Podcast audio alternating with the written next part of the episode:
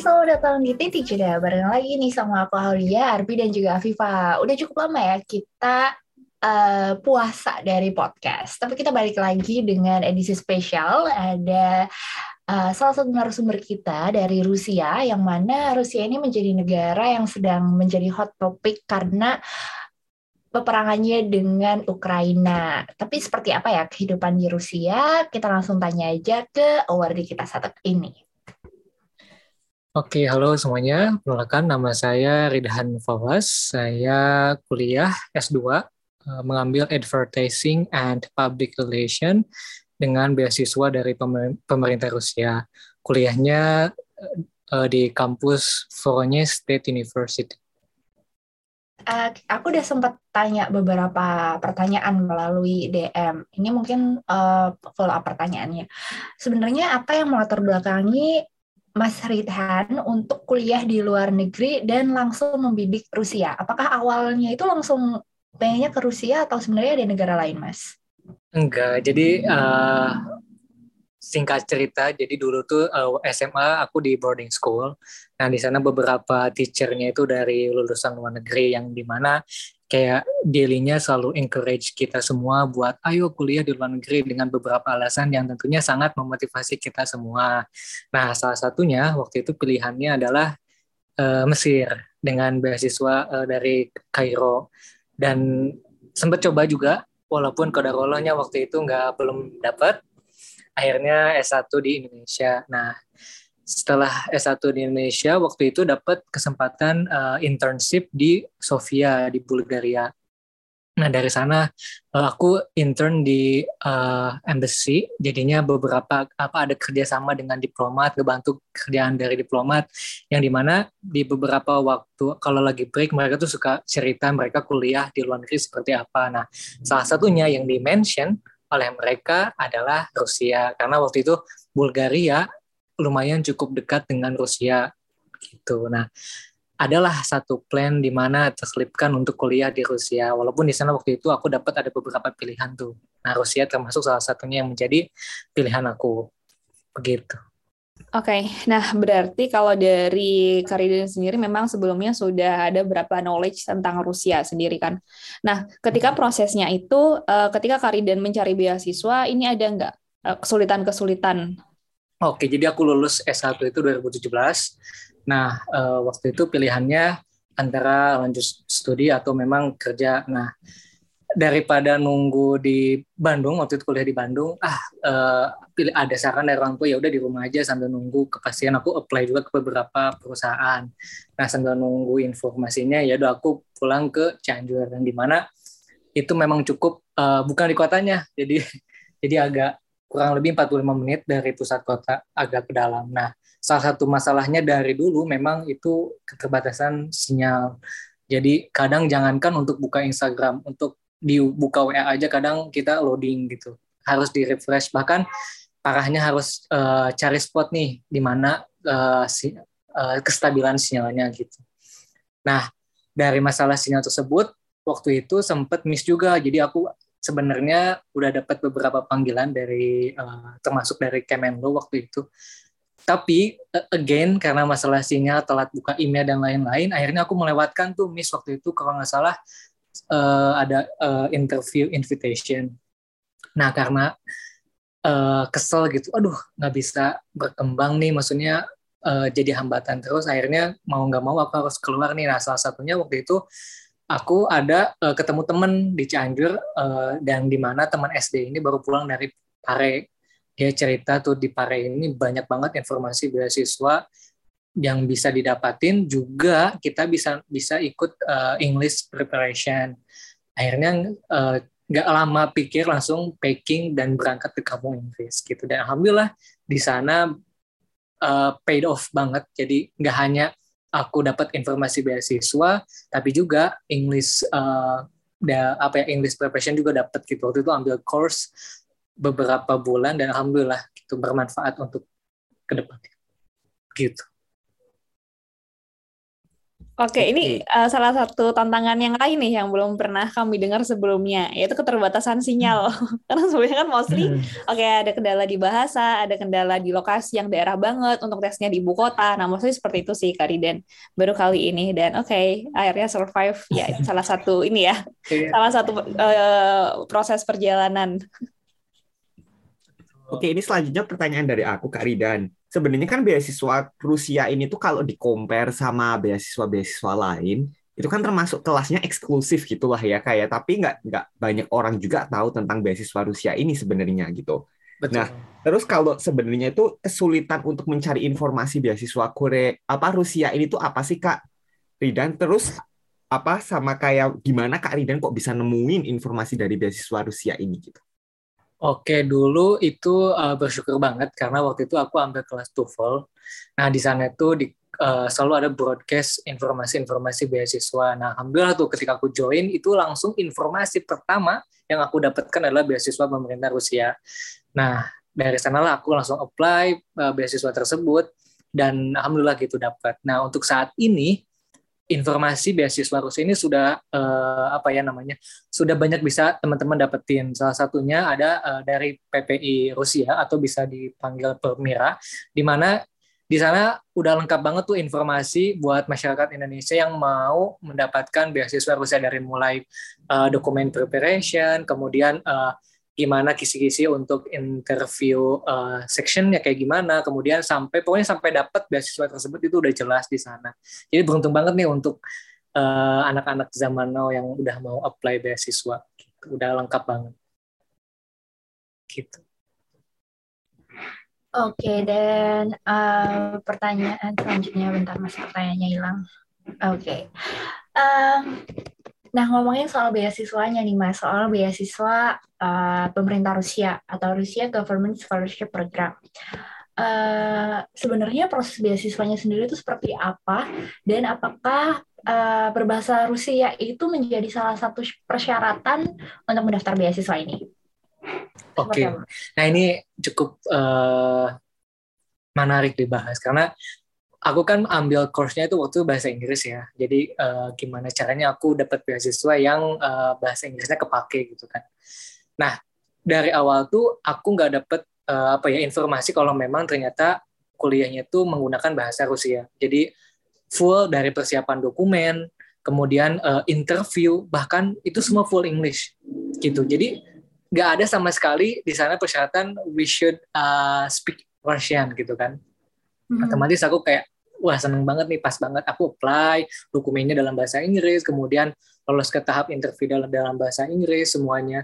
Kemudian tiba-tiba uh, pas dikasih informasi lah bahwasannya uh, awardee-nya itu kita harus kuliah tiga tahun untuk S2 oh kenapa? Karena ada satu tahun persiapan bahasa Rusia which is sebenarnya ada plus minusnya gitu kan. Di sana plusnya kita jadi nambah tuh skill bahasa yang di mana tentunya sangat uh, berguna nih ke depannya kita bisa nambah uh, meluaskan lapangan kerja di perusahaan Rusia dan lain-lainnya gitu kan. Minusnya kita kuliah lebih lama gitu. Yang normalnya dua tahun ini jadi tiga tahun. Hmm. Ya udah gitu kan. Lanjut aja gitu. Jadi uh, di Rusianya kita setahun belajar bahasa dulu bahasa Rusia. Jadi uh, mau nggak mau selama setahun ini kita harus bisa bahasa Rusia. Jadi nanti di the end of the semester itu we get a test di mana kalau nggak lulus kita dipulangin ke negara masing-masing. Ya, jadi mau nggak mau. Ada, ada temanku ada yang pulang nggak lulus ke Vietnam sama ke Syria waktu itu dipulangin. Hmm. Jadi memang, uh, nah ini uh, apa ya ber, ber uh, berhubungan dengan pertanyaan selanjutnya. Challenging yang pertama kali yang aku dapetin waktu awal itu adalah di sini nih di tes apa di belajar bahasa Rusia. Ada satu metode uh, Russian method di mana dalam belajar bahasa Rusia itu kita ada raskas namanya. Tuh raskas tuh nalar. Jadi kita itu belajar bahasa uh, bahasa Rusia yang kemarin itu setiap pagi besoknya kita harus uh, ditanya kayak ulangan tapi ulangannya bukan tulis talaran gitu mau jadi mau nggak mau setiap hari itu kita harus belajar belajar belajar belajar gitu jadi memang cukup berat tapi uh, ya harus gitu harus lulus mau nggak mau akhirnya pas ketika lulus dan benar masuk lanjut ke kuliah dan uh, bahasa Rusia yang kita miliki cukup bisa apa ya able lah untuk uh, mengikuti uh, perkuliahan bersama orang-orang Rusia. Alright, apalagi kalau Rusia ini kan fontnya aneh gitu ya. Aku ngelihatnya. Betul. Jadi literally yang kita belajar dari alfabet gitu loh, guys. Mm, bener-bener. Ya kalau aku sih mungkin banyak-banyak nonton Masha and the Bear kali ya, Kak Ridan ya. Iya. nah, nah, Kak Ridan ini sampai di Indonesia kapan ya kalau boleh tahu? Aku itu tahun lalu bulan oh. September. Oke, okay, berarti yang kemarin konflik Ukraina itu udah di Indo ya posisinya? Iya betul. Tapi uh, ada satu sepupu aku juga masih hmm. di sana, jadi sempat ada cerita lah kalau apa pas perang kuliah gimana gitu. Oh, Oke, okay. nah kalau dari selama Kariden uh, di dunia perkuliahan sejauh ini dari pengalaman-pengalaman sebelumnya, ini pernah nggak uh, ketika ada konflik dari Rusia, terus dari mahasiswa internasional, khususnya dari Indonesia itu ada something uh, ketakutan atau keluarga yang panik, itu pernah nggak Rida dari cerita seperti itu? Nah waktu itu kalau nggak salah ada uh, berita waktu itu bom di hmm. suatu tempat di Rusia di Saint Peter. Namun uh, apa ya? Padahal di Rusianya sendiri kita kayak uh, aman-aman aja gitu. Maksudnya kan beda kota gitu kan. Uh, tapi keluarga yang di, yang di Indonesia kayak, aduh aduh gimana nih anak kita gitu sampai uh, bom call gitu kan. Kayak padahal pas waktu itu nggak diangkat tuh karena ada exam gitu. Pas diangkat di, ya dikasih penjelasan bahwa itu beda kota dan lain-lainnya gitu. Dan uh, kalau dari kitanya sendiri uh, konflik negara waktu itu belum ada. Jadi memang aku nggak kedapetan pengalaman pernah demo dan lain-lain. Nah kalau mengenai konflik terbaru ini antara Rusia dan Ukraina jadi ada sepupu aku yang kuliah di sana di kota Kazan salah satu kota Rusia yang cukup ada apa ya, dekat dengan perbatasan Rusia uh, dan Ukraina aku follow up ke dia gimana nih kamu kuliah di sana? Kemudian apakah ada uh, ganggu terganggu atau seperti apa? Dan katanya uh, uh, apa ya totally katanya baik-baik uh, aja kayak perkuliahan uh, lancar. Cuman memang cukup pernah ada uh, apa ya buying kayak semua orang pada beli beli buat uh, apa ya namanya tuh? Panic buying. Yeah it's that panic panic buying pada beli-beli. Jadi sempat ada kayak beras habis kemudian banyak stok roti juga habis. Cuman itu aja sih. Kayak rupiah sempat waktu itu turun banget. Jadi uh, asian banget. Jadi orang apa keluarga yang di Indonesia kesulitan nih buat kirim uang ke Rusia. Begitu jadi sempat Rusia ini menutup apa ya namanya pokoknya menyulitkan uh, untuk untuk intinya strategi untuk menaikkan uh, mata uang mereka yaitu rubel untuk kuat lagi gitu salah satunya dengan uh, membatasi kredibilitas uh, dolar dengan mata uang lain di negara mereka gitu. Oke Kak dan aku sebenarnya juga penasaran sih kalau kayak yang semacam di Rusia ini, ini kan Rusia ini tuh sebenarnya buat mungkin kayak apa sih pendengar titik jeda yang di Indonesia itu kan nggak familiar gitu kayak ini negara apaan, ngasih beasiswa apa sih gitu-gitu. Nah, itu sebenarnya apa sih yang dari pengalaman Kak Ridan ini, dari guidebooknya yang disediakan sama pemerintah, sama aplikasi di dunia nyatanya gitu, apa sih yang beda gitu? Boleh diceritain nggak sih Kak Ridan? Oke, jadi apa nih yang beda yang aku dapetin? Ini sebenarnya kayak uh, the, the advantage of the scholarship. Jadi uh, sebenarnya di guidebook yang aku dapetin itu jelas banget dari mulai uh, awal mula uh, how to get the scholarship sampai pada akhirnya menjadi awardee. Nah, ada satu poin yang nggak dibahas yaitu di mana bahwa scholarship ini membolehkan kita untuk double scholarship. Jadi kita boleh cari nih uh, additional scholarship buat nambah uang jajan karena nih ini fakta bahwa beasiswa Rusia ini kita nggak fully funded jadi yang difunded oleh pemerintah Rusia ini hanya education aja, sedangkan living cost-nya itu kayak monthly itu kita mandiri gitu. Nah, tapi jangan sedih, uh, pemerintah Rusia itu yaitu tadi uh, membolehkan nih allow kita buat, ayo cari-cari banyak beasiswa tambahan lainnya. Nah, waktu itu uh, dan mereka juga bersedia untuk apa ya membantu kita kalau misalkan ada dokumen tambahan nih untuk dapetin uh, beasiswa lain. Kayak misalkan waktu itu aku butuh LOA cepet mereka langsung kirimin LOA cepet buat dapat beasiswa. Waktu itu aku apply ke beberapa uh, BUMN kemudian ke private company juga. Dan alhamdulillah gitu aku dapat kayak around uh, 40 jutaan gitu buat uh, biaya tambahan gitu. Jadi uh, enak juga sebenarnya gitu. Karena beberapa beasiswa yang pernah aku apply kayak Turkish, kemudian yang beasiswa lainnya juga itu tidak membolehkan kita untuk dapat beasiswa yang lain gitu.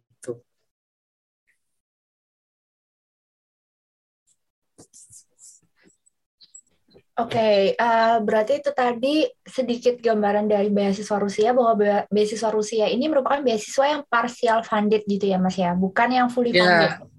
Betul. Tapi sebenarnya ada nggak di Mas di Rusia itu yang fully funded gitu? Jadi semacam chevening atau AAS gitu ada nggak? Itu uh, cuman bukan dari pemerintahnya. Jadi ada uh, kampusnya langsung yang memberikan beasiswa fully fundednya gitu. Kayak uh, misalkan uh, beasiswa dari kampus terbaik Rusia itu di Moskow apa yang namanya HSE scholarship.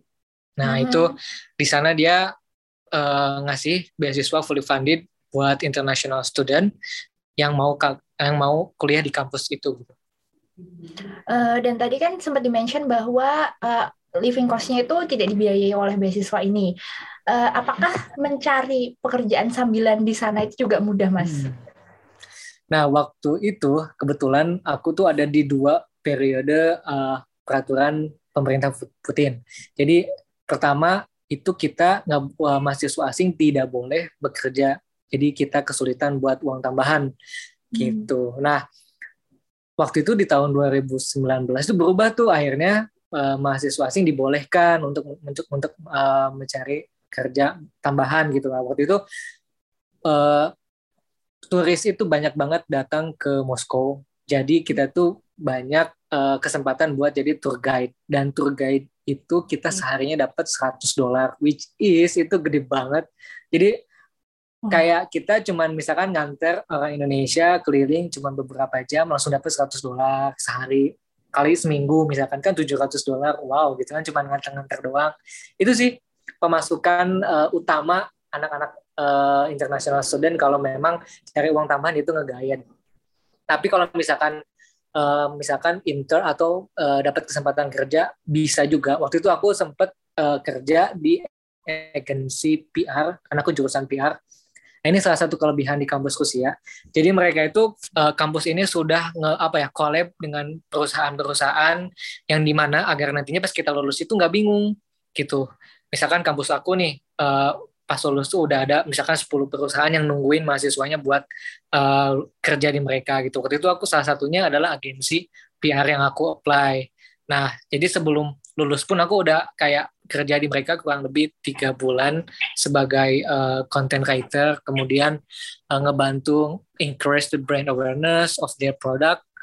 Dan lumayan gitu cukup juga uh, bukan cukup uh, lebih lah dari cukup gitu sejahtera gitu di sana wah ternyata kehidupan di Rusia itu cukup berbeda dengan uh, kehidupan di negara-negara lain karena dia punya bahasanya sendiri. Jadi at least uh, harus mengetahui dasar-dasar dari uh, bahasa bahasa Rusia itu. Buat kami yang masih tertarik untuk belajar bahasa dan kalau kamu mau ke Rusia kamu bisa coba apply beasiswa Rusia dengan tetap berbekal menggunakan bahasa Rusia.